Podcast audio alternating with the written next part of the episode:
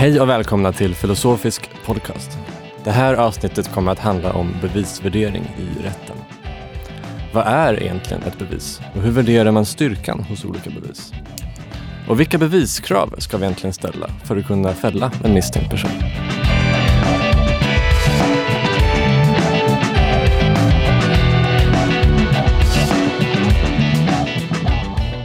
Och vi som leder podden idag är jag, Olle Risberg.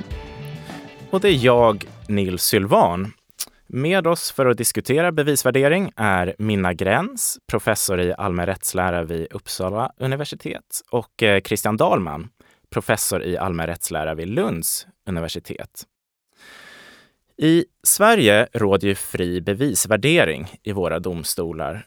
Skulle du, Minna, kunna förklara vad det innebär? Vad är ett bevis? Vad innebär att värdera ett bevis och vad innebär att bevisvärderingen är fri? Ja, tack för frågan eh, som eh, är väldigt omfattande att svara på. Men ska vi, eh, låt oss börja med eh, den fria bevisvärderingen. Eh, det regleras ju i rättegångsbalken, 35 kapitel, första paragraf, att i Sverige eh, råder fri bevisvärdering och fri bevisföring. Och vad som menas med det är att eh, domstolar är inte eh, skyldiga att följa, det finns liksom inga regler för hur en domstol ska bedöma ett bevis, bevisvärde. Eh, och att all bevis som framförs av åklagaren eller ja, parterna i ett mål Eh, det får presenteras, men det måste ske då omedelbart under en huvudförhandling. Och eh, det är egentligen det enda kravet. Och sen har domstolen att beakta bevisningen och värdera dess bevisvärde utifrån eh, egentligen sitt samvete, eller samvetsgrann som det, som det eh, brukar sägas. Eh, men att det finns liksom, domaren är inte bunden eh, av några regler när eh, hen värderar bevisningens styrka eller kraft, som kollegan Christian eh, skulle säga. Mm, tack. Finns det något där som du skulle vilja fylla i, Christian?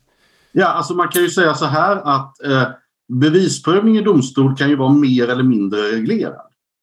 Och i vissa länder är den väldigt reglerad. I anglosaxisk rätt så finns det en massa regler för vad som överhuvudtaget får presenteras som bevis. Vi har väl alla sett sådana här rättegångsfilmer med objection, your honor och sådär. Och det finns regler om eh, vad som får beaktas av, eh, av juryn till exempel i ett brottmål. Eh, och eh, att det finns väldigt mycket regler, till exempel i anglosaxisk rätt, beror ju på att det då är en jury som bedömer eh, bevisningen av lekmän och då tycker man att man kan inte bara låta dem bedöma fritt utan man måste liksom sätta lite gränser för dem så det inte blir fel. Eh, Medan i Sverige då så är det ju domare som bedömer och professionella domare tillsammans med eh, i och för sig lekmän, så kallade nämndemän och, och då tänker man att man litar mer på dem och därför så är det betydligt mindre reglerat i Sverige. Eh, och det brukar man då uttrycka med att den är då fri. Alltså det, det finns ju fortfarande en del reglerade. Det är inte fullständigt fritt. Det finns en del begränsningar i bevisföring, inte minst när det är på grund av Europarätten och mänskliga rättigheter och sådär. Till exempel ett erkännande under tortyr skulle inte vara tillåtet som bevisning eh, i Sverige heller till exempel. Och sådär. Men det, det är betydligt friare än vad det är i länder med, som har en omfattande reglering kan man väl säga. Vi har ju både det här begreppet bevis men också det här begreppet evidens. Hur förhåller de sig till varandra? Är det någon skillnad på dem? Det handlar om att jurister delvis har en terminologi som skiljer sig från naturvetenskapen men där man har andra namn för samma sak. Eh, jurister talar ju om sånt som bevistema till exempel där en naturvetare skulle kalla det för en hypotes. Och, eh, evidens är ju helt enkelt ett annat ord för ett bevisfaktum som jurister skulle kalla det. Och när man värderar ett bevis, att vi har ett bevis, vad är det man gör när man värderar? Tillskriver man det en viss styrka, eh, vikt eller vad, vad är det att värdera ett bevis? Eh, och det här är naturligtvis eh, en, en väldigt mycket som, som omfattas av just begreppet bevisvärdering. Men i varje rättegång så har ju domstolen, om vi tar nu brottmål, eh, som kanske där det blir som, som tydligast, eh, då är det ju så att det är åklagaren som eh, åtalar, som beslutar alltså att vad är det eh, som åtalet ska omfatta, påstår att en viss person, den eh, tilltalade, har begått en brottslig gärning på ett visst sätt. Eh, och det så att säga är så kallat bevistema. Det är det eh, som domstolen har att pröva. Förhåller det sig på det sättet som åklagaren påstår? Utifrån den bevisning som det eh, kommer från, som åklagaren har presenterat och sedan som eh, försvaret har presenterat. Och eh, åklagaren presenterar ju olika mängd bevis för sina påståenden och det kan ju som sagt egentligen bestå av eh, vad som helst, men naturligtvis så är den viktigaste frågan för domstolen till att börja med relevansen. Vad är relevansen av det här beviset eh, i relation till just bevistemat.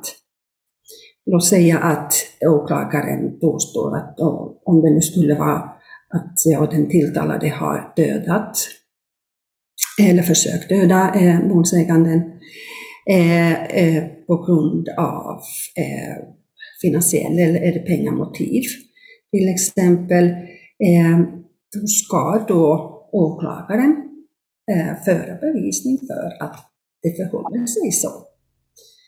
Eh, och vad man nu sen kan eh, föra eh, för bevis, presentera för motivet. Ofta kan det vara just att den tilltalade har brist på pengar, behöver, har stort behov av pengar, eh, skulle till exempel vara en av huvudarvingarna till eh, målsäganden eller något sådant. Eh, och då är det ju utifrån ja, den här informationen som domstolen har att bedöma sen, aha, vilket värde har den typen av information eh, som åklagaren har presenterat.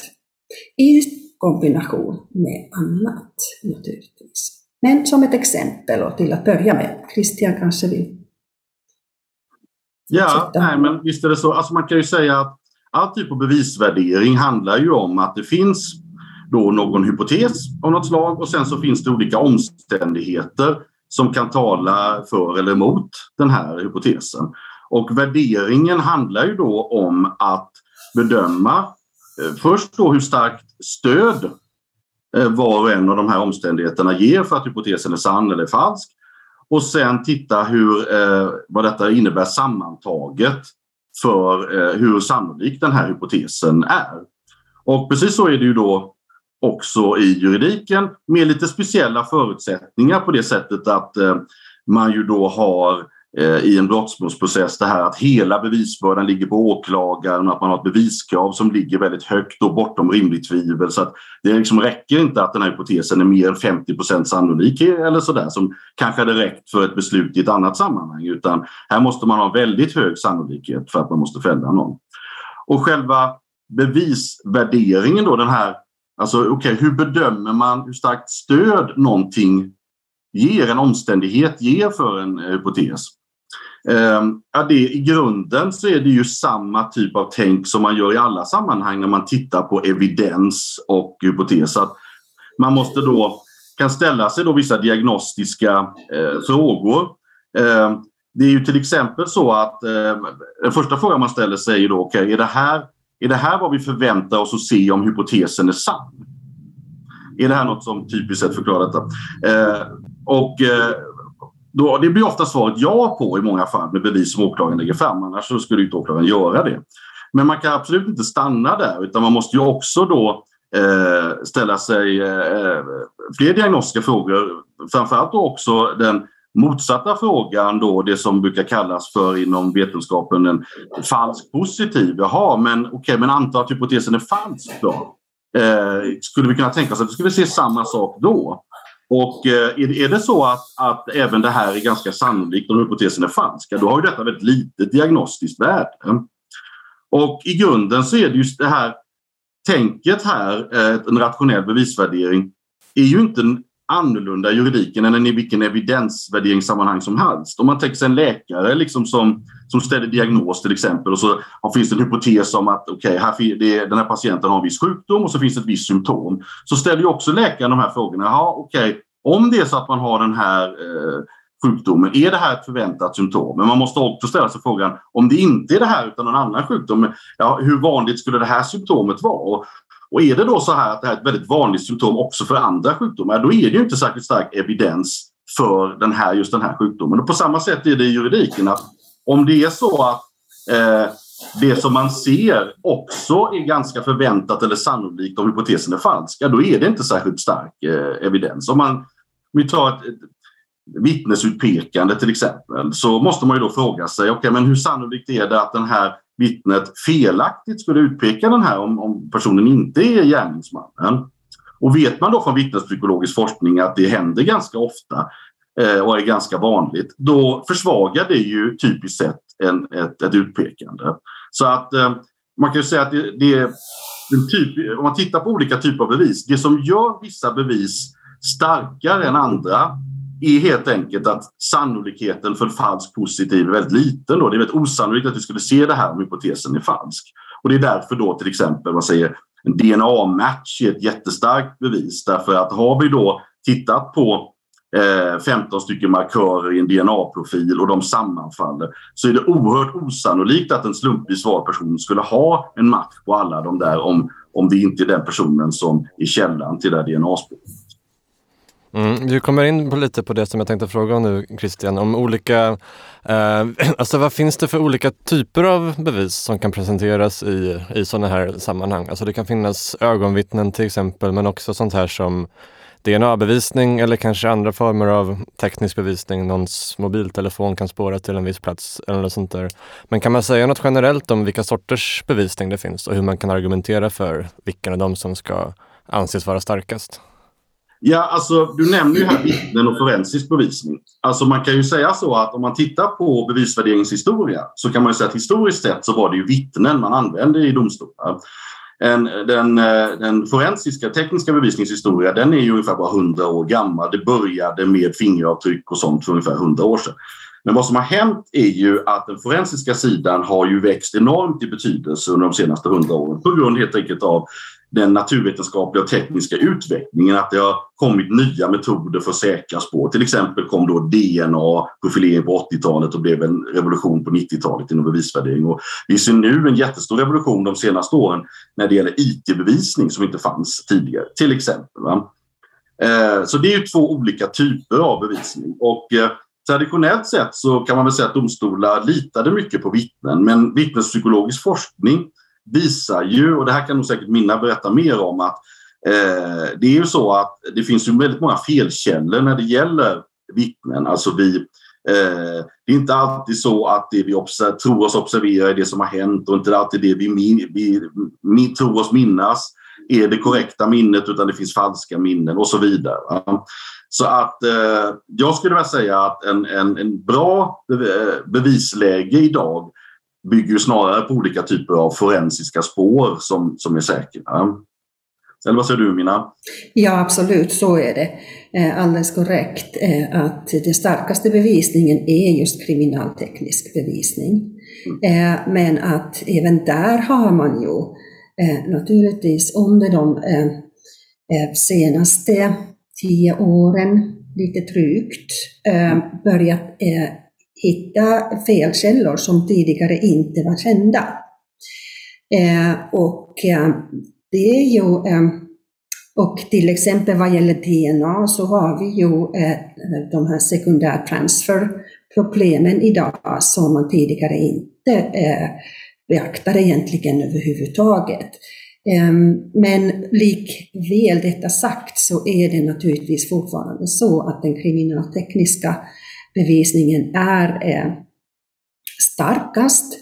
Eh, och eh, det är väl det som domstolarna också vill ha, det är det som åklagare vill ha. Eh, och då, då, har man ju liksom en sta ett starkt case. Men att eh, vad sedan gäller eh, vittnesbevisning så är det alldeles korrekt att eh, visst, man har ju egentligen kanske trott att den kriminaltekniska bevisningen skulle tagit över och att vittnesbevisningen skulle då eh, fått minskat betydelse. Men det konstiga är att, att eh, eh, viss forskning finns om det här, att hur förhåller det sig, eh, och nu är det framförallt i USA, den amerikanska kontexten i juryrättegångar, alltså att eh, vittnesbevisning kontra forensisk bevisning, kriminalteknisk bevisning, och att ett väldigt, ska säga, trovärdigt vittne eh, har visat sig få en, en förhållandevis eh, liksom sned, väldigt snäv och stor betydelse även när så att säga, den kriminaltekniska bevisningen talar mot det som vittnet påstår sig ha sett och iakttagit. Så att det, det, är ju, det är ju ganska intressant fenomen att vi är väldigt eh, Eh, vi har en benägenhet att ändå tro på en person som på ett trovärdigt sätt påstår någonting. Mm. Och det är ju ett problem. Skulle jag vilja det är säga. problem. Det, naturligtvis att, är det ett problem. Detta är, en, detta är en mänsklig bias. Så att när, vi Ja. ser, när, när vi ser en människa framför oss som säger någonting så eh, har vi ju en tendens att vilja tro på den här personen som sitter framför oss om personen eh, ger ett sympatiskt intryck och sådär. Det, ehm, men Absolut. det- som, du, som du säger, alltså det, det här är ju ett, ett, en typ av mål där det här problemet eh, finns mycket eh, är ju i sexualbrottsmål.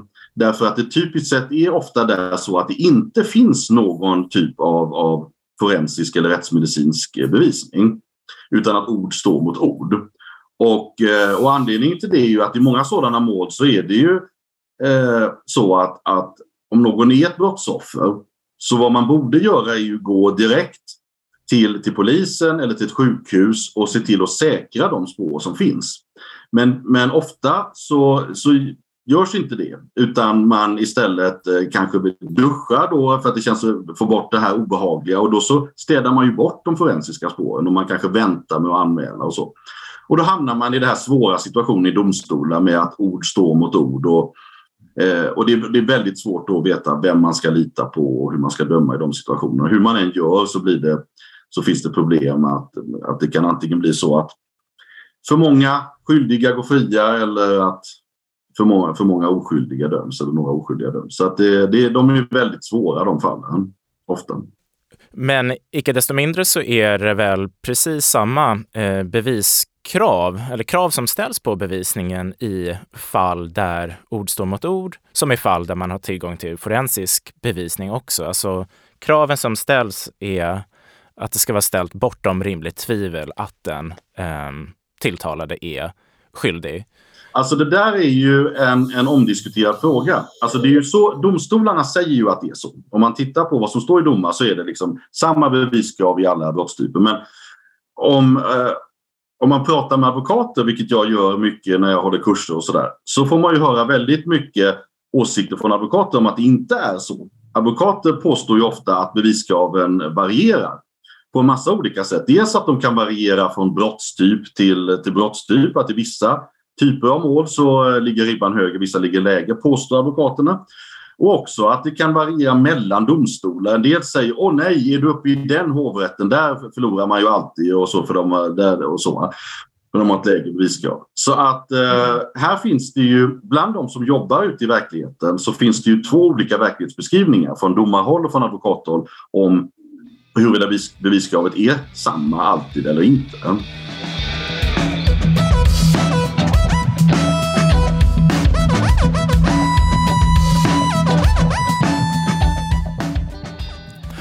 Och det väcker ju den filosofiskt intressanta frågan, borde vi ha eh, exakt samma beviskrav eh, oavsett fall? Eller kan man tänka sig att det finns någon, något skäl att tänka sig att i fall till exempel där det saknas teknisk bevisning, där det är väldigt svårt att få fram, att man kan tänka sig att sänka ribban lite grann? Eller bör vi vara helt konsekventa genom hela eh, ja, rättsväsendet så att säga? Har ni någon uppfattning om, om den frågan? Ja, um, jag kanske kan flika in här. Alltså det här som Christian nyss nämnde, är fenomenet att eh, försvarsadvokater hävdar just att eh, i verkligheten Eh, så tillämpas olika beviskrav, alltså beviskravet är elastiskt. Det har ju hävdats redan på 90-talet, eh, där så den eh, bevisvärdering förra gången diskuterades i väldigt stor omfattning i, i den svenska rätten. Och det är ju så att enligt lagen så ska ju eh, all, alltså lika högt krav ställas i alla typer av brottmål. Och det har också Högsta domstolen konstaterat och fastställt gång på gång. Eh, att eh, bortom eh, allt rimligt tvivel gäller. Eh, och det har ju definierats eh, som så att det är att det ska praktiskt taget, det ska praktiskt taget vara uteslutet att eh, det kan ha tillgått på ett annat sätt eller gått till på ett annat sätt eller att det är någon annan som har begått gärningen än den som är tilltalad. Men det som är problematiskt här, i, det här kommer ju, guilty beyond reasonable doubt, det kommer ju från den angloamerikanska rätten.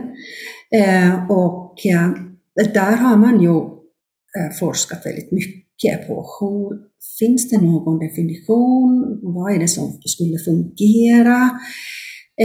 Och där har man ju kommit fram till att egentligen, alltså någon matematisk definierbara definierbar krav någonstans på en sannolikhetsskala mellan 0 och 1 går inte att eh, fastställa. Eh, men att eh, de pratar om alltså en moralisk säkerhet etc. har fungerat bäst. I Sverige har man ju inte egentligen diskuterat det mer än att man säger att det ska vara praktiskt taget uteslutet, att det, att det, det finns någon alternativ hypotes här.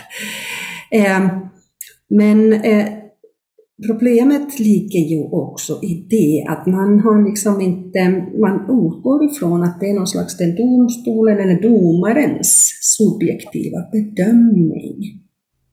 Osäker eh, är jag. Eh, och eh, man har så att säga in, man har glömt att diskutera den objektiva sidan. Att det, det finns liksom också ett objektivt krav eh, enligt lagen och vad det sen skulle kunna vara. Och där har jag skrivit mycket på 90-talet, min avhandling om, som handlar om risken för materiellt felaktiga domar. Den handlar om beviskravet.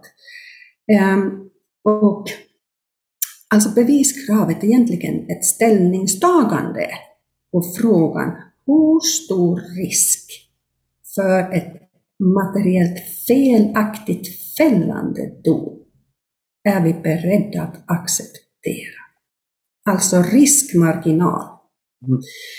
Eh, och Eh, vad gäller då eh, risktagandet i brottmål så är det ju naturligtvis eh, utifrån rättssäkerheten, alltså det är statens maktutövande gentemot enskilda personer. Det är absolut den, den allvarligaste så att säga, formen av maktutövande.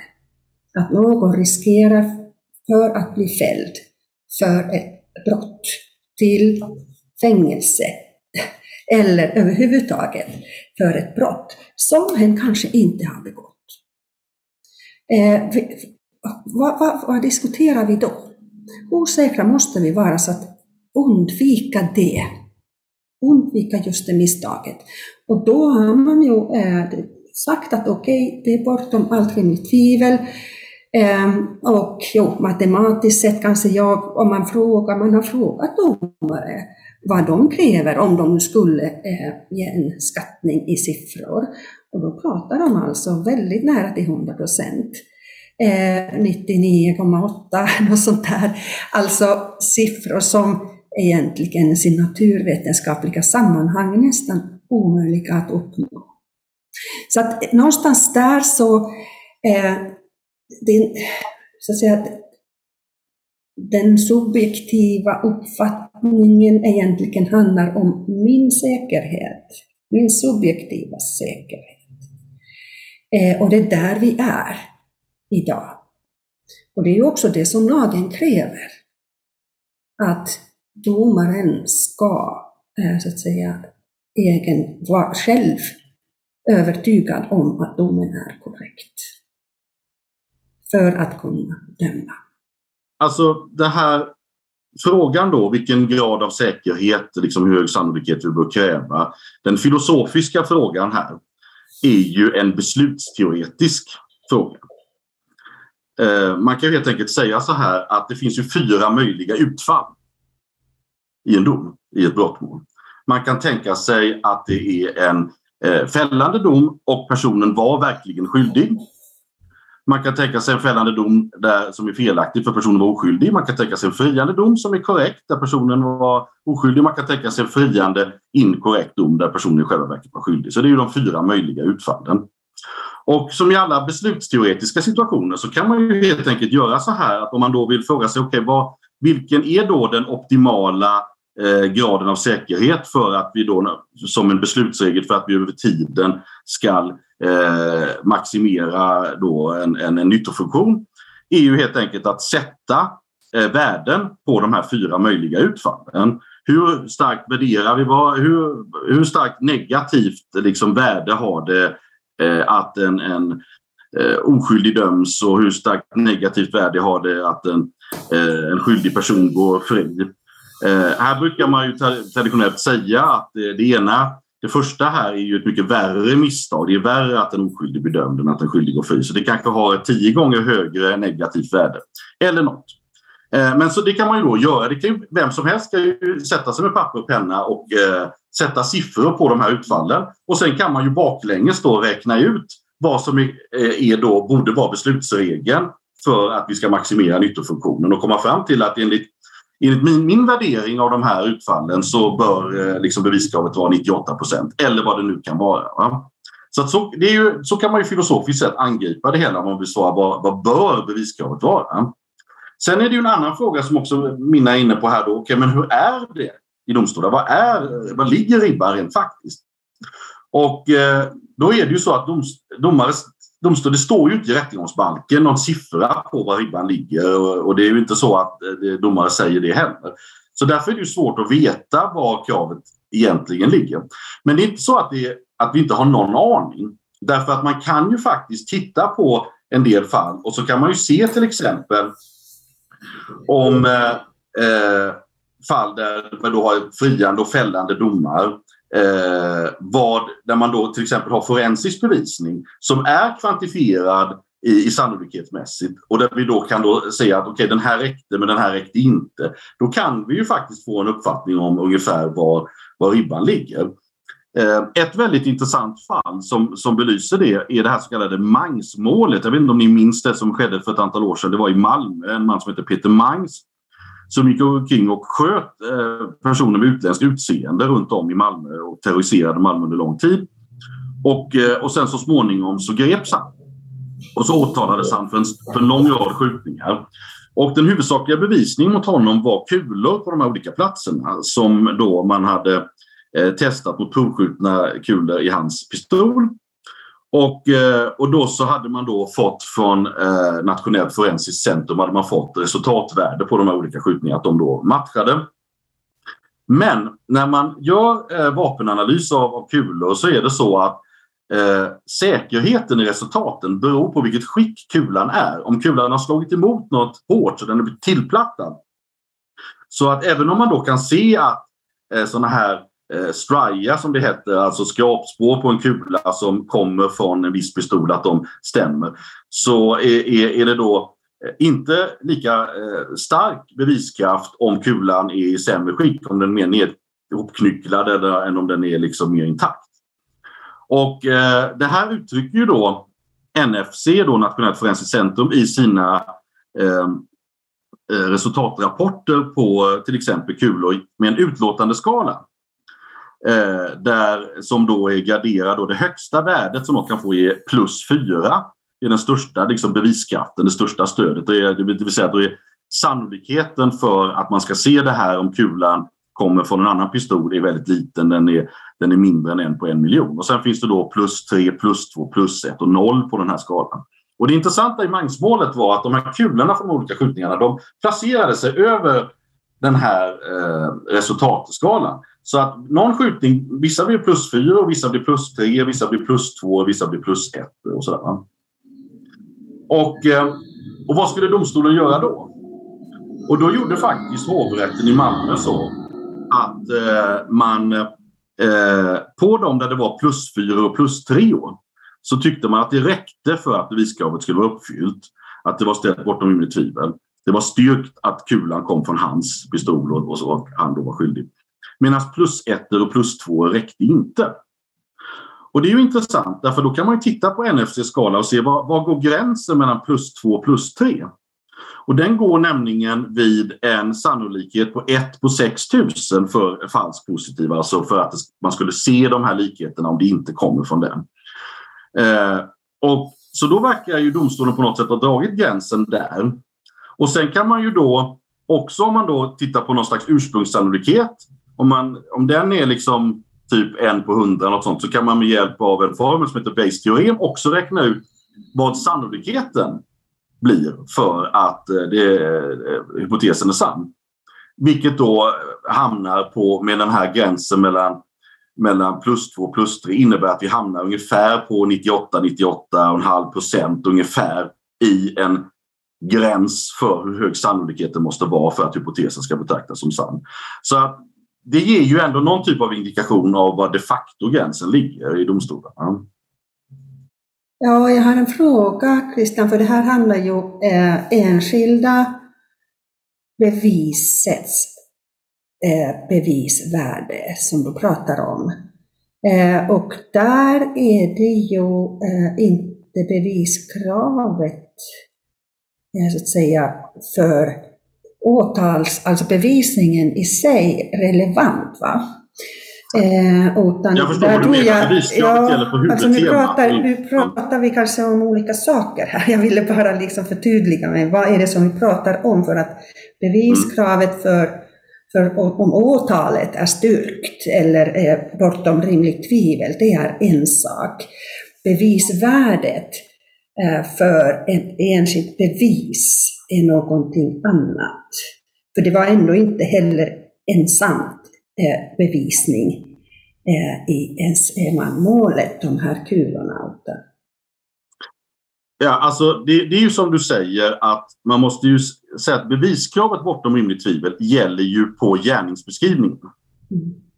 Och eh, eh, de olika, det finns ju den här då eh, bevistemat att den här eh, kulan kommer skjuten med hans pistol är ju inte gärningsbeskrivning utan det är ju ett ett, en hypotes på lägre nivå, eh, så kallat undertema eller deltema i bevisvärderingen. Eh, men det intressanta är ju att i det här målet så säger ju hovrätten att eh, när det då är en plus trea så är den här då eh, bevistemat eh, då när det gäller kulan att den är styrkt. Alltså man använder då samma ord, styrkt, som man använder när det gäller huvudtemat. Eh, och eh, återigen, alltså det här, vi vet ju inte säkert hur domstolarna tänker. Vi försöker liksom att eh, tolka det till. Men om man, om man utgår ifrån att de använder ordet styrkt i samma betydelse när de sen pratar om huvudtemat så verkar det ju i så fall den här vara en indikation på vad som också skulle gälla för, för gärningsbeskrivningen. Eh, men som sagt, det här är ju vad vi har att jobba med tack vare att domskäl är så pass luddiga och inte uttryckta i några tydliga matematiska termer. Så ni är båda inne på att det finns ju de här etiska aspekterna här. Vi vill ju helst inte ha en, ett, en rättsstat där man dömer folk på lite godtyckliga grunder. Sådär. Exakt. Det, där, om jag, alltså det är det som, som det handlar om här. Och jag tycker att det är väldigt viktigt att, och, och bra att Högsta domstolen verkligen har eh, flera gånger om fastställt att oavsett vilket brottmål det handlar om så är beviskravet lika högt. För det är ändå en signal, stark signal till alla, inte minst domstolarna och åklagare, eh, och att, att vad som gäller. Sen är det, då vi talar om det objektiva bevisvärdet, vad är så att säga möjligt i vissa mål överhuvudtaget att uppnå. Eh, låt oss ta nu eh, sexualbrottmål och bevisvärderingen av just utsagor, alltså de här ord mot ord situationerna.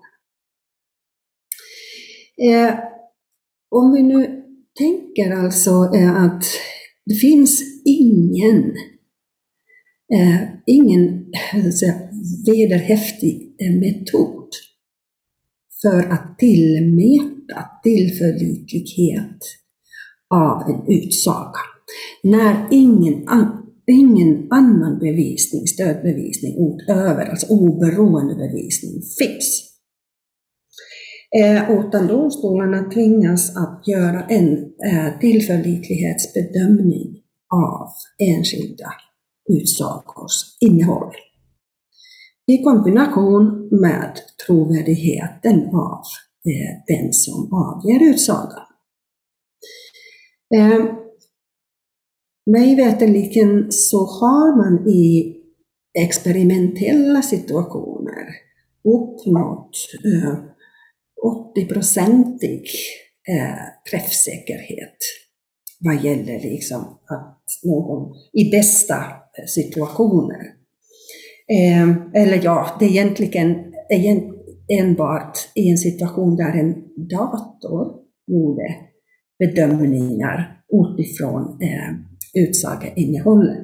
Men vad sedan gäller människor, man har ju testat poliser, åklagare, domare till och med, eh, även i Sverige. Och det är ju eh, professor Berhans eh, Kranhags eh, forskargrupp i Göteborg som har gjort de här undersökningarna. Och där har man eh, eh, resultatet blivit att eh, det är ungefär lite drygt 50 procent av fallen som eh, eh, de här olika yrkesrättsliga aktörer så att säga eh, eh, träffa rätt. Alltså in, ja, inte bättre än en gissning. Eh, och även när de har så att säga, fått rätt i att okej, okay, det här den här personen talar sanning nu, den där talar inte sanning. Och sen får de, av hundra, låt oss säga. Och sen så får de veta att okej, okay, du har fått rätt i 54 procent av de här. 54 personer har du äh, eh, träffat rätt. Du har sagt korrekt när den personen har Eh, eh, tala talat sanning respektive ljugit. Eh, kan de nu berätta för oss vilka det var av dessa hundra? då kan de inte mera göra det. Och det är vad vi vet om förmågan av, av oss människor att bedöma, bedöma varandras utsagor generellt, men även särskilt i brottmål och, och i domstol i förundersökningar. Och där är det alltså man ändå, vi vet idag eh, att eh, för att få en fällande dom i ord mot ord situationer eh, i de här sexualbrottmålen så krävs det egentligen bara en att en viss utsaga bedöms som tillförlitlig utifrån att den är lång, detaljerad, hängande. Eh, och att den här personen i fråga även berättat till någon annan samma historia. Eh, och där, där, är liksom, där är jag eh, verkligen bekymrad för att objektivt sett finns det liksom ingen, ingen, ingen evidens alls för att de här höga beviskraven skulle kunna uppnås. Också med hänsyn tagen till att vi alltid har också en, en berättelse från den tilltalade som också måste bedömas. Som då logiskt sett måste väl ändå ha någon, om det inte, inte helt påhittat, alltså man måste kunna bevisa att den är helt påhittad för att det inte ska ha någon, något bevisvärde kvar. Så att, eh, jag, jag påstår att i verkligheten så är det i ord mot ord situationer så är det objektivt sett betraktat så är beviskravet lägre än i mål där eh, det finns även oberoende annan bevisning som, som så att säga är, talar för, för samma, som stöd för samma hypotes. Mm. Ja.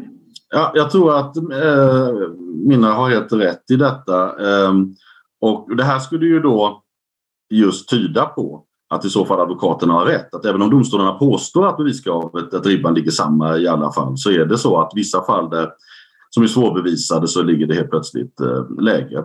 Men en fråga är ju, är det, är det alltid i alla ord mot ordfall som eh, beviskravet är lägre eller är det bara i sexualbrottsmål? Ehm, eh, jag gjorde ju en studie tillsammans med kollegor i Lund för några år sedan där vi gjorde så att vi tittade på två brottstyper.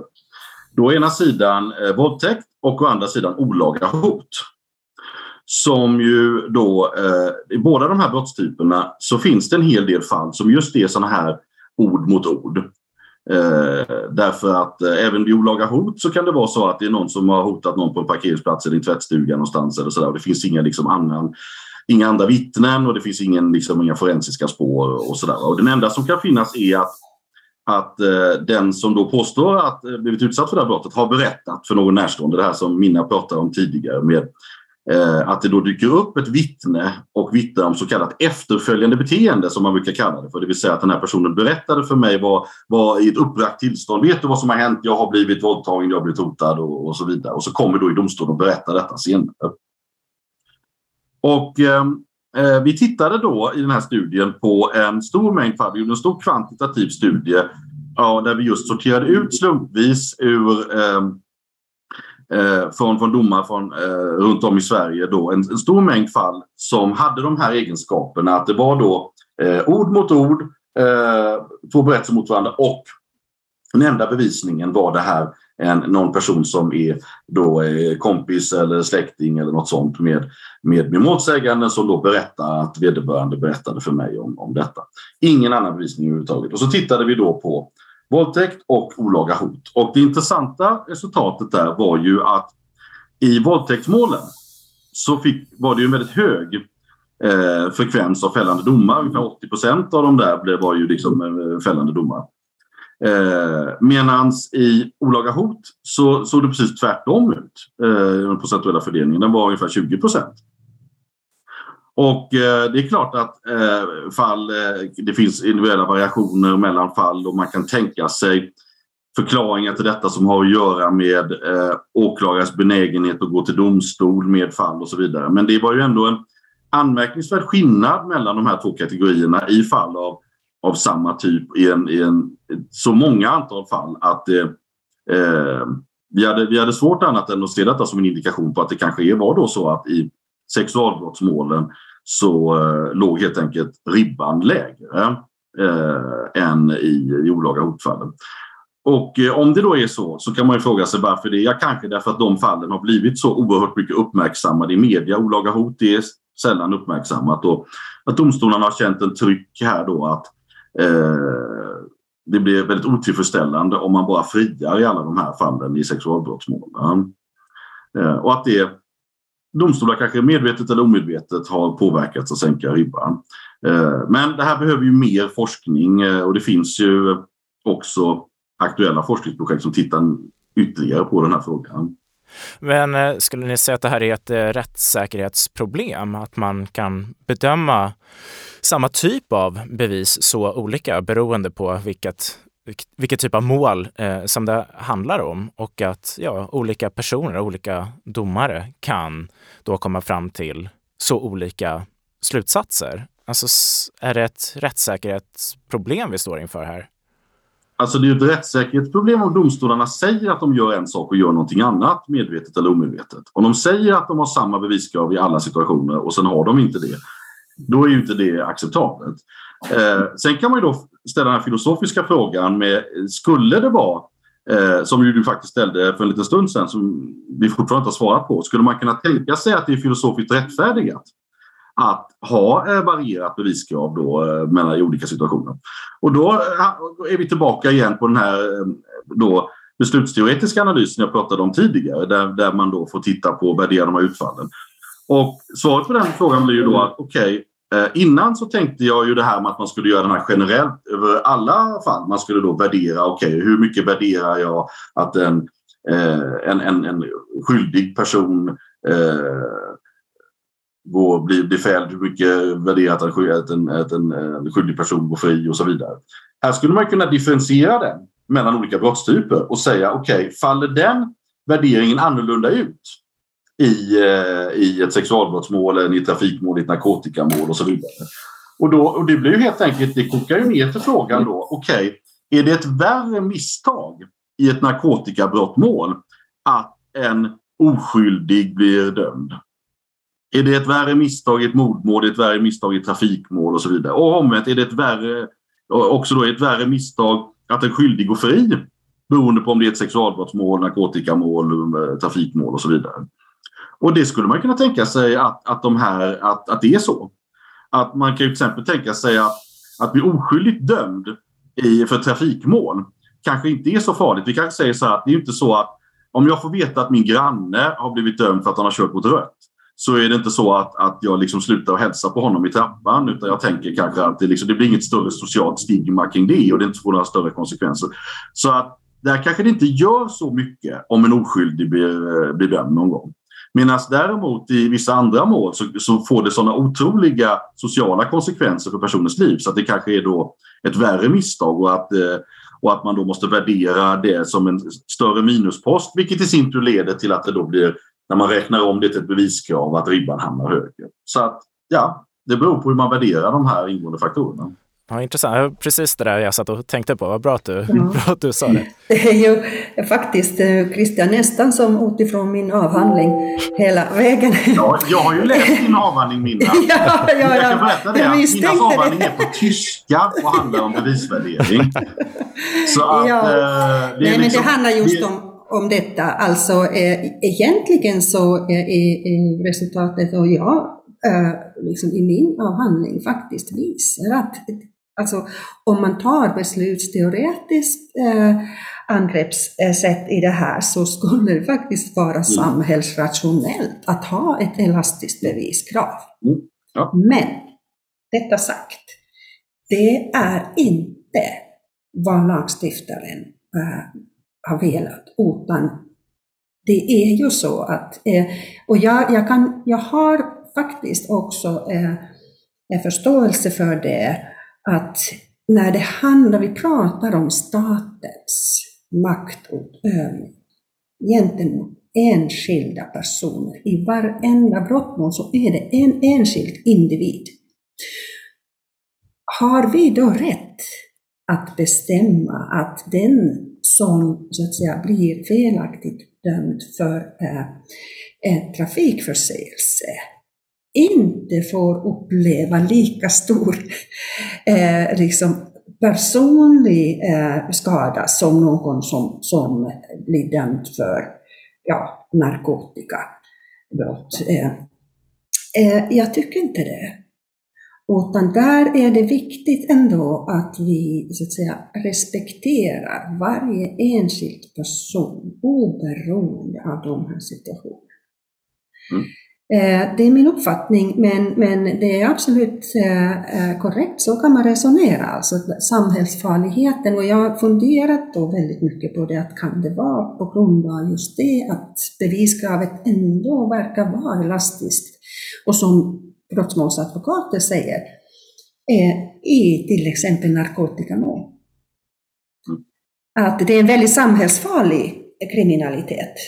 Mm. Här, jag tror att det finns en, en skillnad mellan oss som grundar sig nog i en moralfilosofisk åsiktsskillnad. Jag är ju benthamian så att jag har ju en annan uppfattning i den här frågan. Men eh, jag vet ju att eh, alltså det finns ju det här synsättet och det här är ju något som slår igenom ju i det känner ju ni väl till som sysslar med moralfilosofi i massa olika kontexter. Det här liksom om man då får tillåta sig en sån här utilitaristisk kalkyl som det ju blir när man då eh, gör en beslutsteoretisk. Eller om det är så att, eh, att det, man skulle kunna säga i den här trafikbrottssituationen att det är någon slags, det spelar ingen roll att det kanske inte är så socialt stigma att bli dömd för en rödljuskörning.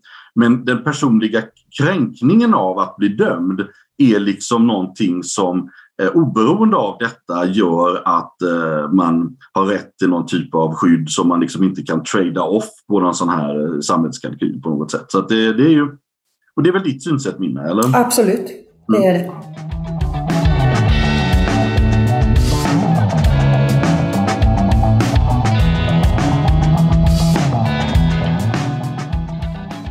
En typ av problem som vi har pratat om nu är ju liksom vart ska man egentligen lägga ribban för bortom rimligt tvivel och kan det skilja sig åt i olika fall och sådär. Eh, men en annan typ av besläktat problem är ju då att även om vi har bestämt oss för att den ligger på ett visst ställe i ett fall, eh, hur ska vi avgöra om den verkligen är uppnådd då? då? Och Christian, du nämnde eh, 98 procent i förbifarten. Det kanske är där som gränsen ska dras då. Och en reaktion man kan ha på det är att ja, det låter ju precis och bra, men kanske också orealistiskt precis i vissa sammanhang. Alltså om vi har en väldigt komplex bevisning med massa ögonvittnen och eh, överväganden hit och dit. Alltså på vilka grunder kan man säga att ja, det här, eh, nu är det 98 procent snarare än 97 procent eh, sannolikt att den här personen gjorde det till exempel. Alltså finns det risk för eh, sådana här gråzoner i de här sammanhangen? Ja, alltså vid alla typer av evidensbedömningar så är det ju förstås så att eftersom vi har eh, ofta eh, otillräcklig kunskap om, om de verkliga förhållanden som vi behöver ta hänsyn till i bedömningen så finns det då en, en stor osäkerhet och det kommer vi ju inte runt. Alltså även om vi har resonerat på ett matematiskt korrekt sätt som våra ingångsvärden eh, är dålig data så, så blir det ju garbage out också. Liksom så Och när det gäller bevisvärdering så är det ju så att vad, vad är då de här sakerna? Jag, mm, som jag sa tidigare så är det ju så att man måste ju alltid ställa sig frågan om vi har en hypotes och en viss typ av evidens då. Ja, men hur sannolikt är det att vi skulle se det här om hypotesen är falsk? Och eh, när det gäller forensisk bevisning så finns det ju ofta data på det. Eh, om vi tar DNA till exempel så är det ju så att eh, där, där finns det ju, anledningen till att vi kan säga att sannolikheten för en, för en random match är eh, en på så många miljarder är att vi har en databas med DNA-profiler med referensdata som eh, vi använder som, som kunskapsgrund.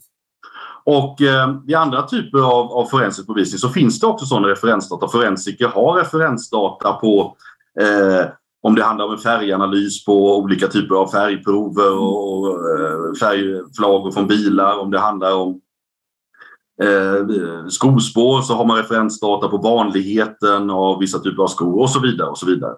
Eh, det, är ju, det är ju absolut inte så att forensiker alltid har jättebra data utan den kan variera väldigt mycket Eh, så det är också någonting man måste ställa den frågan när en forensiker vittnar. Men hur bra referensdata har du för den här slutsatsen? Och eh, jag har själv varit sakkunnig i fall där, där på advokatsidan där jag har då gått emot en forensiker som då det har sagt att men du har, det här, när det gäller den här typen av analys så har, du, har vi faktiskt dålig referensdata så det här är väldigt osäkert. Um, så att det, det, är ju någonting som man då måste, det finns liksom inget svar som stämmer i alla, för alla situationer här utan det måste man ju titta då eh, individuellt. Eh, sen finns det ju den typen av bevisvärdering som, inte, som, som domstolar gör mer enligt sin egen bakgrundskunskap av världen som vittnesvärdering och sånt.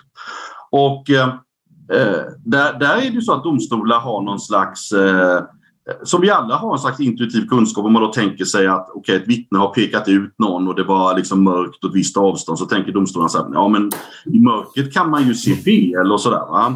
Det är ju då en osäkerhet. Men det är ju inte så att domaren har någon slags data från en vetenskaplig studie där man har låtit hundra personer i olika ljusförhållanden göra observationer. Så det är inte så att man vet exakt någon siffra på det utan Det blir som ens allmänna livserfarenhet, ungefär som när man gör evidensbedömning i andra situationer. Om, vi, om jag har hypotesen här att det kommer regna i eftermiddag, jag tittar ut genom fönstret och ser ett mörkt moln och så säger jag att ah, det känns sannolikt och sådär. Så bygger det på någon slags, jag har ju inte suttit och liksom antecknat varje dag om det var mörka moln och regnade utan jag har någon slags allmän bakgrundskunskap om att det brukar nog kanske ofta vara så. Och, och så är det helt enkelt då i domstolarna också. Och, eh, och det här är ju ett problem oavsett om vi använder en, en mer matematiskt rigorös metod eller om vi försöker göra vara mindre matematiskt rigorösa och, och eh, ta det liksom lite mer på, på sunt förnuft. Att eh, eh, har vi bristande referensdata så kommer det vara ett osäkerhetsmoment i alla situationerna och det är ju det som det som ju då också slår igenom när man börjar sätta siffror på det och när man är mer matematisk och sätter siffror, då blir detta väldigt tydligt. Så då blir det så här, jaha men vänta lite, 20 procent, var folk kommer den ifrån? Ja, men det, var, det vet jag inte exakt, men det är min gissning. Eh, och, och, det brukar ofta användas som argument mot en mer matematisk rigorös metod. Titta här, liksom, de här siffrorna är osäkra. Men jag skulle påstå att det är ett felaktigt argument. För vad, därför att det här är alltid ett problem. Den enda skillnaden är att om du använder matematiskt rigoröst problem så syns det här problemet på ytan. Helt plötsligt blir det uppenbart att en del antaganden är osäkra. Medan om du istället inte uttrycker saker i siffror utan är mer eh, lite, lite luddigare term som domare gör så döljer man de här olika osäkerhetsfaktorerna som fortfarande finns där hela tiden. Ja, det är alldeles korrekt eh, vad Christian eh, här säger. Jag håller helt med. Och eh, det är bara konstigt Eh, att eh, det inte har gått hem hos domstolarna. Det är någonting eh, grundläggande motståndskraftigt i att, att försöka få jurister. Alltså, för det, I slutändan kanske handlar det ändå om det att även om man använder siffror så ska domen skrivas så att säga, det ska bli en domsmotivering där siffror inte används. Men detta sagt så i själva bedömningsprocessen så är det ju naturligtvis eh, den kritik som har riktats mot eh, matematiska formler eh, i allmänhet i dessa sammanhang handlar om just att det blir någon slags falsk eller illusion om, eller skapar en illusion om någon slags exakthet någonstans som ändå inte finns. Bland annat, det finns också andra, eh, andra eh, invändningar. Eh, men att eh, å den andra sidan så, så eh, det har ju aldrig varit syftet bakom de här eh, teorierna, alltså att de skulle börja appliceras även av jurister eh, mer att, så att säga, på något sätt formerna eller matematiken skulle ta över, utan det ska ju vara ett sätt för att kontrollera ens egen rationalitet. För särskilt när det, när det handlar om mer komplicerade mål med olika typer av bevisning, där eh, vissa bevisning är, ja, de är beroende av varandra, inte oberoende etc. Och det kan finnas liksom just den här bakomliggande osäkerheten på grund av osäker referensdata eller så. Att just en sån här analytisk, eh, systematisk eh, betraktelsesätt skulle då hjälpa en själv att så att säga testa sin, eh, ens egen rationalitet. Hur tänker jag? Tänker jag rätt? Var är så att säga de här centrala frågorna som jag måste på något sätt hantera här innan jag kan äh, vara säker på att jag har, äh, jag har, liksom väl, jag har bra grunder för mina slutsatser. Äh, det har inte slagit igenom.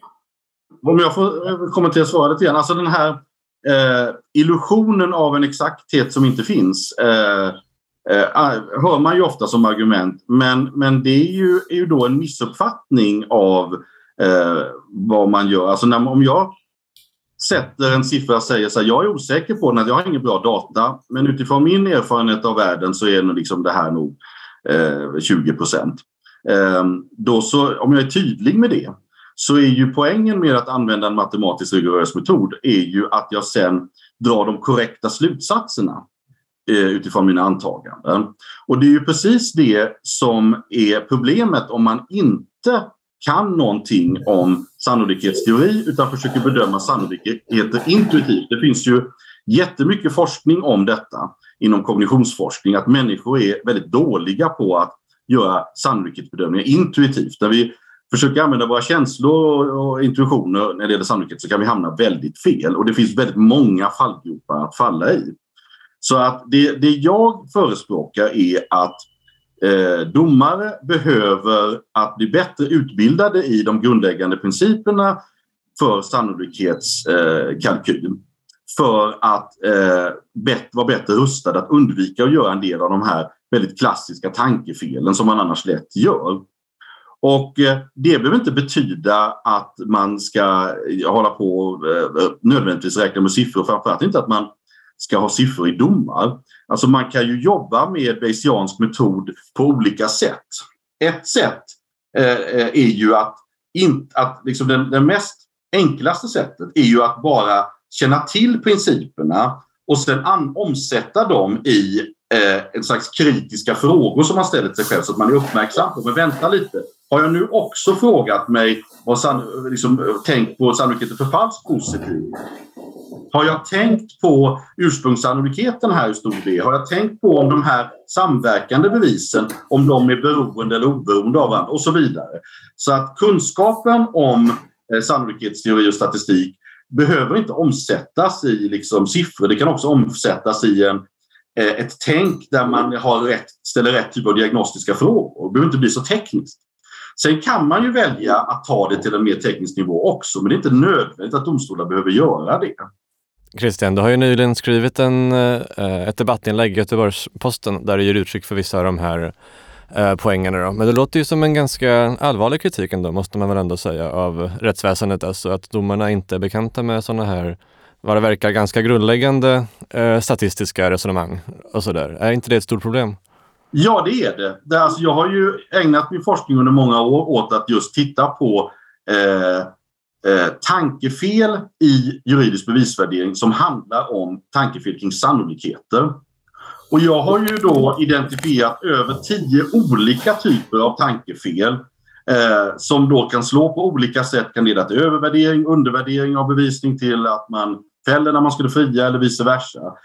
Eh, som eh, domstolar inte har liksom tränats i att, att eh, undvika. Helt enkelt, och det är inte deras eget fel, därför att juristutbildningen har i alla tider sett ut på det sättet att den har inte har haft de här inslagen av att man har lärt sig lite grundläggande statistik och sannolikhetsteori, varken på juristprogrammet eller i, i domarutbildningen. Och, eh, och därför så, så är det inte heller förvånansvärt att det är på det här sättet. Alltså domare är ju helt enkelt personer som sysslar med eh, liknande typer av saker som naturvetare gör som värderar evidens men utan att ha fått de ordentliga verktygen för det. Så att det är ju, alltså jag, jag tycker att snarare, det är inte så att jag kritiserar domarna utan jag tycker att det är, de är egentligen satta i en omöjlig situation genom att de inte har fått den korrekta utbildningen. Ja, eh, så kan det ju vara naturligtvis, men att till exempel de här feltänken och så, det har ju redan Ekelöf i Rättegång 4 skrivit alltså på 80-talet och framåt och den har använts som lärobok. Eh, och där tror jag alltså ändå att eh, det viktiga är, jag håller absolut med, det är inte liksom att använda någon matematisk formel i sig, utan att eh, tänka på logiskt korrekt sätt. Att inte känna till sannolikhetsteorier utesluter inte att domaren kan tänka rätt. Det är alltså inte någon, någon kausalitet på det sättet. Alltså, eh, våra domare, eh, svenska domare och domstolar eh, gör väldigt bra eh, i de absolut flesta fall. Eh, alltså rättsväsendet är rättssäkert, eh, vi har väldigt bra eh, polis och åklagare och vi har väldigt eh, bra domstolar. Eh, och eh, de är ju intelligenta människor naturligtvis och inte kan luras hur som helst. Så är det helt. Men sen finns det ju fall. Vi vet ju att det kan gå fel och har gått fel. Eh, och eh, där är det ju en eh, vad ska jag säga, samverkande faktorer som ofta bidrar till att det blir fel. Det är inte enbart domstolars fel, alltså att domstolarna skulle eh, gjort någon felaktig bevisbedömning i de där målen, utan det är, det är flera olika faktorer som bidrar till att det går fel. Men i de absolut flesta fallen så behövs ingen mer än, än, man, man kan elementär logik, vilket ju i och för sig matchar med sannolikhetsteoretiska resonemang också. Så att, eh, nu ska vi inte överdriva det här problemet, tycker jag. Det är klart att det är så att det inte nödvändigtvis behöver leda till ett felaktigt beslut och att det oftast inte gör det. Men eh, det finns ju exempel på fall när det gör det. Och eh, du som ömmade så mycket om att rättssäkerheten var viktig i varje enskild situation och inte ville liksom bara titta på, på alla fall eh, måste ju tycka att det är ett problem även om det bara sker i ett fåtal fall. Ska, ska jag ta ett exempel på ett fall? Ja, gör gärna det. Det är det aktuella Malinmordet som ju eh, har varit aktuellt i år därför att det har varit en resningsprocess. Um, för de som inte känner till det så är det ett mycket uppmärksammat svenskt uh, mål som eh, går ända tillbaka till 1990-talet. Det var en 16-årig flicka som hette Malin Lindström som brutalt sexmördades i en eh, bruksort utanför Örnsköldsvik 1996. Och, eh, och den huvudmisstänkte där var en, en man då som var ung man på den tiden där man vid en husrannsakan hittade ett antal indicier, en lång rad indicier som eh, talade starkt för att han var gärningsmannen. Det var ju bland annat så att man hittade textilfiber eh, på en sax i hans garage som var matchade då en, eh, en ovanlig typ av fiber, den som fanns i Malins tröja som var sönderklippt av gärningsmannen det var så att Malin var tejpad med två slags tejp. Man hittade en gömd påse hemma hos honom med tejprullar av samma slag. Det, man hittade tecknade bilder hos hemma hos honom på bundna kvinnor som var bundna på samma sätt och hade eh, skador på kroppen på samma ställen och som liknade de skador som Malin hade och, och lite andra saker. Och eh, eh han blev då dömd i tingsrätten men friad i hovrätten 1998. Och anledningen till att han friades var att ingen av de här bevisen var ensam tillräckliga för att styrka att han var gärningsmannen utan man behövde liksom räkna ihop dem. Titta på den samverkande beviskraften hos dem. Och, och eh, om man kan lite grann då om, om Bayesians metod och sannolikhet sådär så kan, vet man hur man ska tänka och man kan ganska snabbt konstatera att sannolikheten för att alla de här omständigheterna skulle föreligga samtidigt om han var oskyldig, den är liksom eh, försvinnande liten så att han borde ha dömts här. Men eh, hovrätten då eh, 1998 eh, visste inte hur man skulle göra, hade ingen metod för det här med att räkna samman så att man tittade på något sätt på varje sak för sig och inget räckte var en för sig och man friade honom då 1998. Eh, och det här, jag har ju sen tittat mycket på det här för att jag skrivit om det. Jag skrev en bok 2018 där jag skriver om det här, att det här var felaktigt dömt och visar varför det var det. Eh, och sen så eh, hände någonting sensationellt i det här fallet eh, eh, 2020. Det var nämligen så att det fanns en, en liten spermafläck på hennes byxor som då på 90-talet inte gick att få fram någon DNA-profil eh, ur. Men genom förbättrad DNA-teknik så kunde man nu då få fram den här. Och det här är då polisens cold case-enhet eh, gjorde detta och eh, det var då hans sperma, men den matchade honom, den här, han som blev friad på 90-talet. Och eh, åklagaren begärde då resning eh, i Högsta domstolen. Och det här fallet då, eh, det blev en ny rättegång nu i somras här eh, 2022. Eh, där eh, han eh, blev dömd. Och eh, det intressanta är att i den domen så eh, skriver då eh, hovrätten att det är inte bara så att det är på grund av den här eh, nya DNA-bevisningen eh, och på spermafläcken utan eh, det är faktiskt så att man eh, man citerade min forskning och sa att det var ett felaktigt tänk som hovrätten hade 98 eh, när man inte räknade samman de här och man sa det att man måste just eh, tänka på det sätt som jag anvisar i min bok för hur man ska bedöma samverkande bevisning. Eh, och, eh, så det här tycker jag är ju ett bra exempel på dels eh, att det kan gå fel när man inte har någon bra metod och också hur det sen faktiskt vi forskare kan bidra till att det eh, blir bättre och faktiskt få genomslag i, eh, i rättstillämpningen.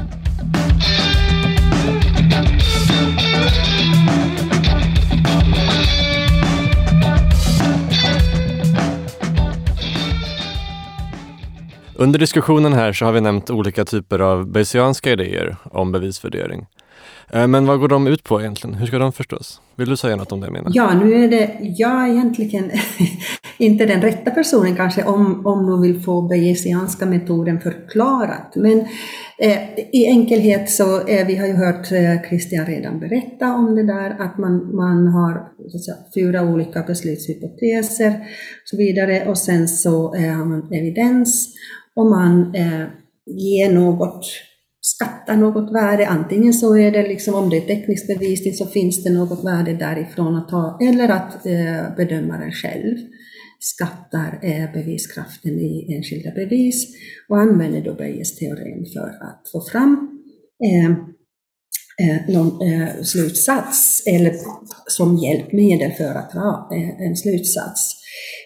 Och nu går jag tillbaka till den diskussionen som verkligen var livlig och omfattande, som har handlat om allt detta som Christian återigen tar, har tagit upp här i eh, eh, de senaste åren, nämligen eh, bevisvärdemetoden kontra Bayes-metoden.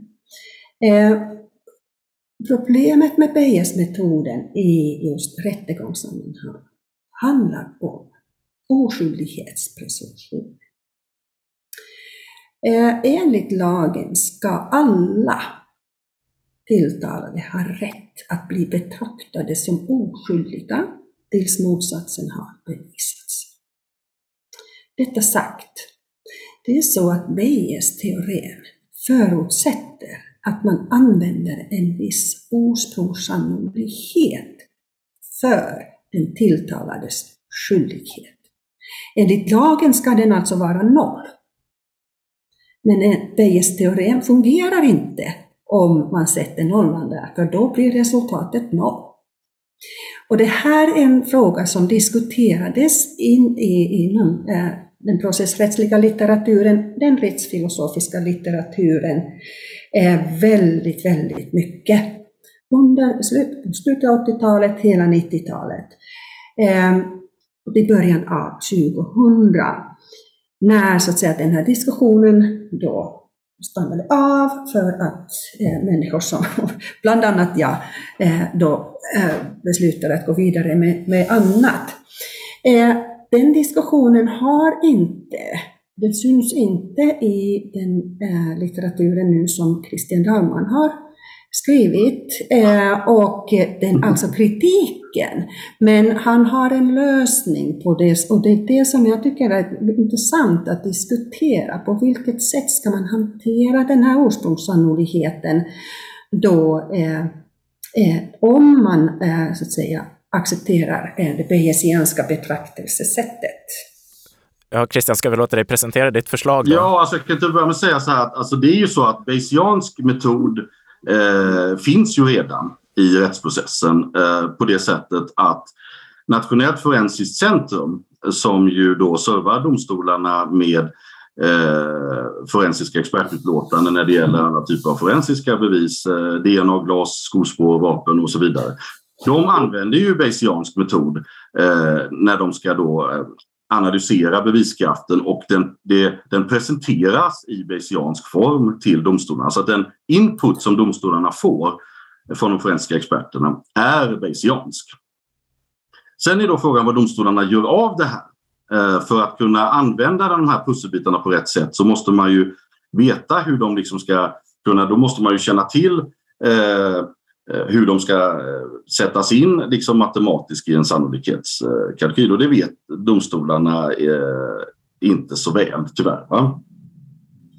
Det borde de bli bättre på jag brukar ju säga att det första skälet att domstolar måste lära sig BASE är att annars förstår de inte vad de forensiska experterna säger i sina utlåtanden. Så att oavsett om de vill tillämpa det själva eller inte så, så måste de kunna det redan av den anledningen.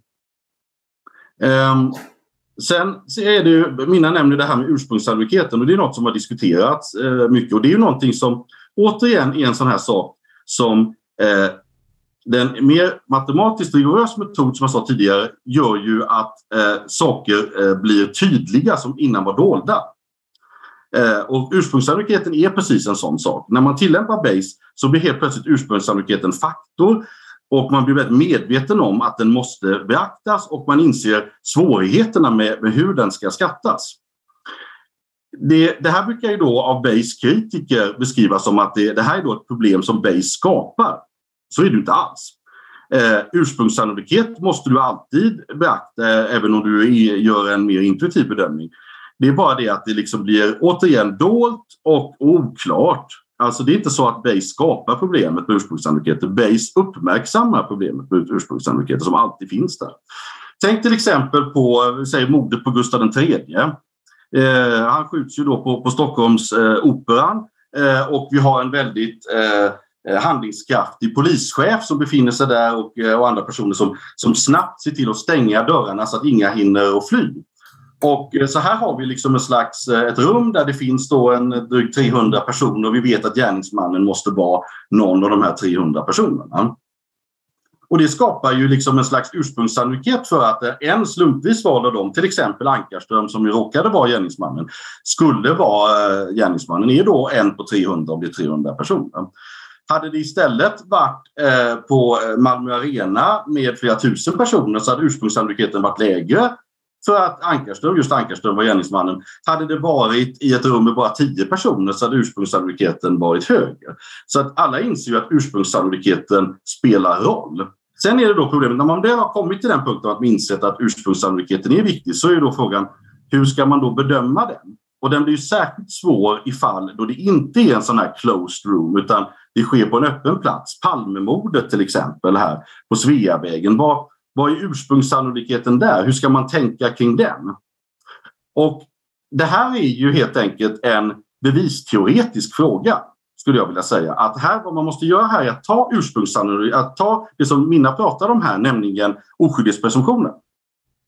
Och eh, den måste ju respekteras. Och sen måste man då tänka, okej, okay, vad innebär oskyldighetspresumtionen i matematiska termer?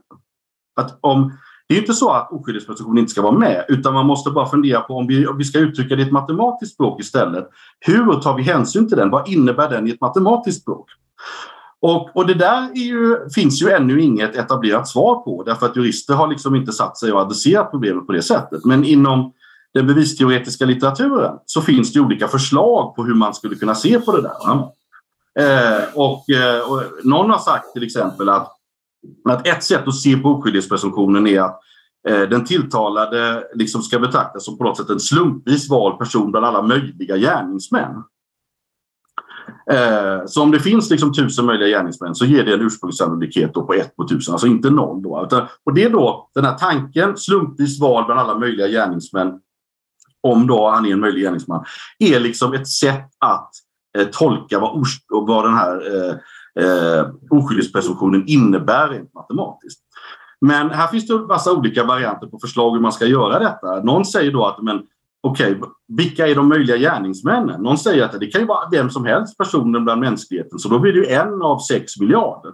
Och andra har sagt att nej men det blir ju det blir ju konstigt. Alltså snarare ska man då titta på folk som finns i liksom ungefär samma geografiska område, Eh, och, eh, och då är frågan hur man exakt ska avgränsa det. Så här finns det ju olika idéer om hur man kan besvara det här.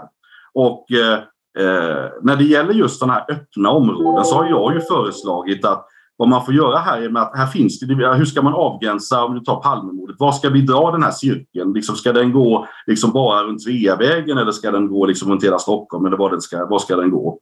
Och i grunden handlar det om den här avvägningen vi pratade om tidigare med okej, okay, hur, hur högt vill vi liksom eh, lägga beviskravet här? Alltså vi, hur, hur mycket värderar vi de här felaktigheterna, oskyldigt dömda som går fria eller skyldiga som... Eh, nej, förlåt, oskyldigt dömda som, eller oskyldiga som döms. och skyldiga som går fria. Eh, och där är det ju så att eh, på samma sätt som beviskravet, de här 98 procenten, eh, skapa en förutsättning för det så skapar ju också ursprungssannolikheten, startpunkten, eh, oskyldighetspresumtionen skapar ju också en, sätter en ram för det. Så att ju strängare vi tolkar i matematiska termer vad oskyldighetspresumtionen är, desto ju svårare blir det för åklagaren. Så det är ju grunden en slags rättspolitisk värdering om hur strängt vi ska ta, hur, hur vi till exempel, hur omfattande vi ska uppfatta kretsen av möjliga gärningsmän. Och jag har ju sagt att här skulle man kunna tänka sig någon slags juridisk norm där man helt enkelt säger att är det på en öppen plats som i en stad så kan helt enkelt juridiken säga att eh, eh vi, vi betraktar det som att i en sån situation finns x antal möjliga gärningsmän som sätter som en slags normativ eh, ursprungssannolikhet oavsett vilka, hur många personer som faktiskt sprang runt här på, liksom på platsen. Och om den här X då ska vara eh, 100 personer eller 1000 eller 10 000 eller 100 000 det är ju liksom en rättspolitisk fråga men det är ju ett sätt att, att komma till rätta med det här problemet. Men det finns ju invändningar mot det och så det här är ju en pågående diskussion. Eh, men det är just det där att oskuldspresumtionen finns där, alltså lagens, och det är också just eh, med hänsyn tagen till vad det handlar om, vad vi ytterst pratar om. Statens maktutövning gentemot enskilda personer. Eh, och eh, därav alltså att eh, åklagaren har den absoluta eh, bevisbördan. Ska inte få hjälp på traven av någon slags os, eh, alltså ursprungssannolikhet eh, som bedöms på politisk väg. Absolut, alltså det känns som är väldigt, väldigt skakig steg. Samtidigt som eh, om vi skulle då, alltså jag säger inte naturligtvis de här slutna rummens problem, det är ju välkänt och, och det är ingen som har egentligen kritiserat de, de problemen. Eh, men att eh, när det sedan kommer till, en, till domstolen och domskälen, där ska domstolen måste ange skälen i sin, eh, eh för den här bedömningen, ursprungssannolikheten. Eh, och skulle det då finnas en regel, en norm som utifrån eh, varifrån det tas, då kan det ju tänkas att det blir en rättslig prövning kring det. Eh, när man ifrågasätter hur den här eh, eh, alltså eh, ursprungssannolikheten i enskilda fall då har preciserats. För det kan onekligen, alltså du menar väl inte att det ska finnas, eller någon, jag kan inte tänka mig att någon påstår att man i någon norm skulle så att säga, bestämma exakta siffror och sådär. För det är en siffra som måste fram. Eh, genom en domstolsbedömning. Och det där ser jag alltså inte som alldeles lätt fråga att lösa, men naturligtvis har jag också tagit del av den här eh, litteraturen som diskuterade. Men, men att det där tror jag är en av de stora frågorna eh, som ligger bakom eh, den omfattande så att säga, eh, kritiken utifrån domstolarnas och juristernas håll att, så att säga, anamma Bayesiansk eller någon annan sannolikhetsteoretisk metod.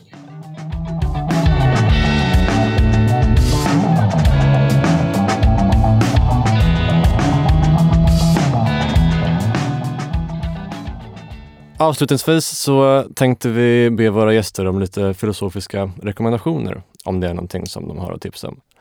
Uh, vi kan börja med dig, Mina. Ja, eh, alltså det skulle ju egentligen, eh, alltså vad gäller litteratur så finns det ju ofantligt mycket som eh, eh, om till exempel just materiellt felaktiga domar och vad egentligen orsakar eh, sådana där det framgår att det inte, inte primärt kanske ens domstolars eh, eh brister i bevisvärderings metodologin utan annat. Eh, men eh, det finns en bok som jag kan rekommendera för alla som, handlar, eh, om, som heter Blind Injustice som är skriven av Mark Utsey. Han är professor i processrätt vid Cincinnati Law School, före detta kärn, äh, åklagare faktiskt i, i USA, eh, som ger insikt i vad det egentligen handlar om.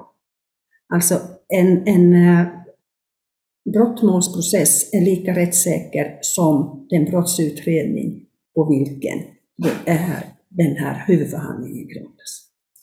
Ehm, så att det är oberoende av domstolen.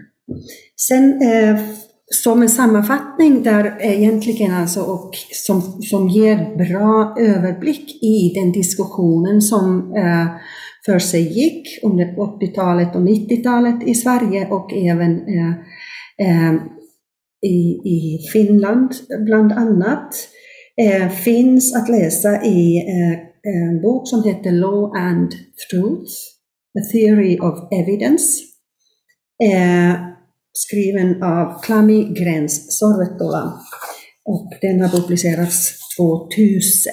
Så att det, det är liksom det som vi idag har diskuterat med Christian, varit väldigt intressant. Eh, egentligen exakt samma frågor som diskuterades då på 90-talet när jag var ung eh, doktorand, nu disputerat och så vidare. Så att det, det, jag önskar Eh, bland annat Christian lycka till, men vi får se om, om det finns hopp för, för eh, domare och domstolar i det, detta hänseende. Tack så mycket.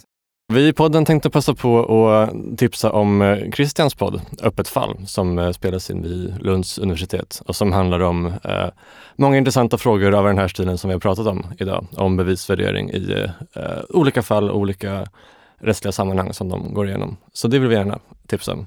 Men eh, Christian, vad skulle du vilja rekommendera våra lyssnare om? Ja, alltså bortsett från att rekommendera Öppet fall då förstås, som ju handlar om uppmärksammade rättsfall då, ja, bland annat Malinmordet som jag nämnde tidigare. Ehm, så det kan vara trevligt här eftersom Minna nämnde lite litteratur och eh, tips om en film, tänkte jag. Ehm, en av mina absoluta favoritfilmer, 12 Angry Men, 12 edsvurna män, en amerikansk eh, film om en juryöverläggning i ett brottmål. Eh, som ju innehåller väldigt mycket eh, intressant från filosofisk synpunkt, idéer om om rationell argumentation och sådant. Och, eh, så den eh, var bevis och bevisvärdering. Så den rekommenderar jag varmt. Vi, vi gjorde faktiskt i Öppet fall en hel serie med en topplista med de bästa rättegångsfilmerna någonsin och där, eh, där kom den på första plats. Så det kan man ju också lyssna på. Och, eh, och till sist också eftersom ju Minna gjorde lite reklam för sina egna publikationer så kan jag väl säga att vill man få någon mer syn på hur man kan jobba med Bayesiansk eh, bevisvärdering Eh, på ett lite, lite mer utvecklat sätt och använda så kallade Bayesianska nätverk som är datorprogram för att eh, grafiskt strukturera bevisvärdering och hur det kan hjälpa en. Så eh, har jag publicerat en artikel i år i Svensk Juristtidning som handlar om det uppmärksammade busshållplatsmordet som är uppe i Högsta domstolen som heter då bevisvärdering i busshållplatsmordet som, som just illustrerar den här Bayesianska metoden ganska väl om man vill fördjupa sig i den. Då får vi tacka er båda så jättemycket för att ni var med på, i den här diskussionen. Det var jättekul. Tack så mycket. Ja, tack. Filosofisk podcast görs av Filosofisk tidskrift i samarbete med bokförlaget Thales. Vi vill passa på att nämna att eh, ett stort antal gamla årgångar av Filosofisk tidskrift nu finns tillgängliga på tidskriftens hemsida, eh, filosofisktidskrift.se. Så där kan man läsa gamla nummer från 1980 och framåt helt gratis. Ni får gärna mejla till oss på podcast eller skriva till oss på Facebook, Filosofisk tidskrift, om ni har några frågor eller synpunkter eller ämnesförslag. Så hörs vi igen om ett par månader. Hej då! Hej då, hej då!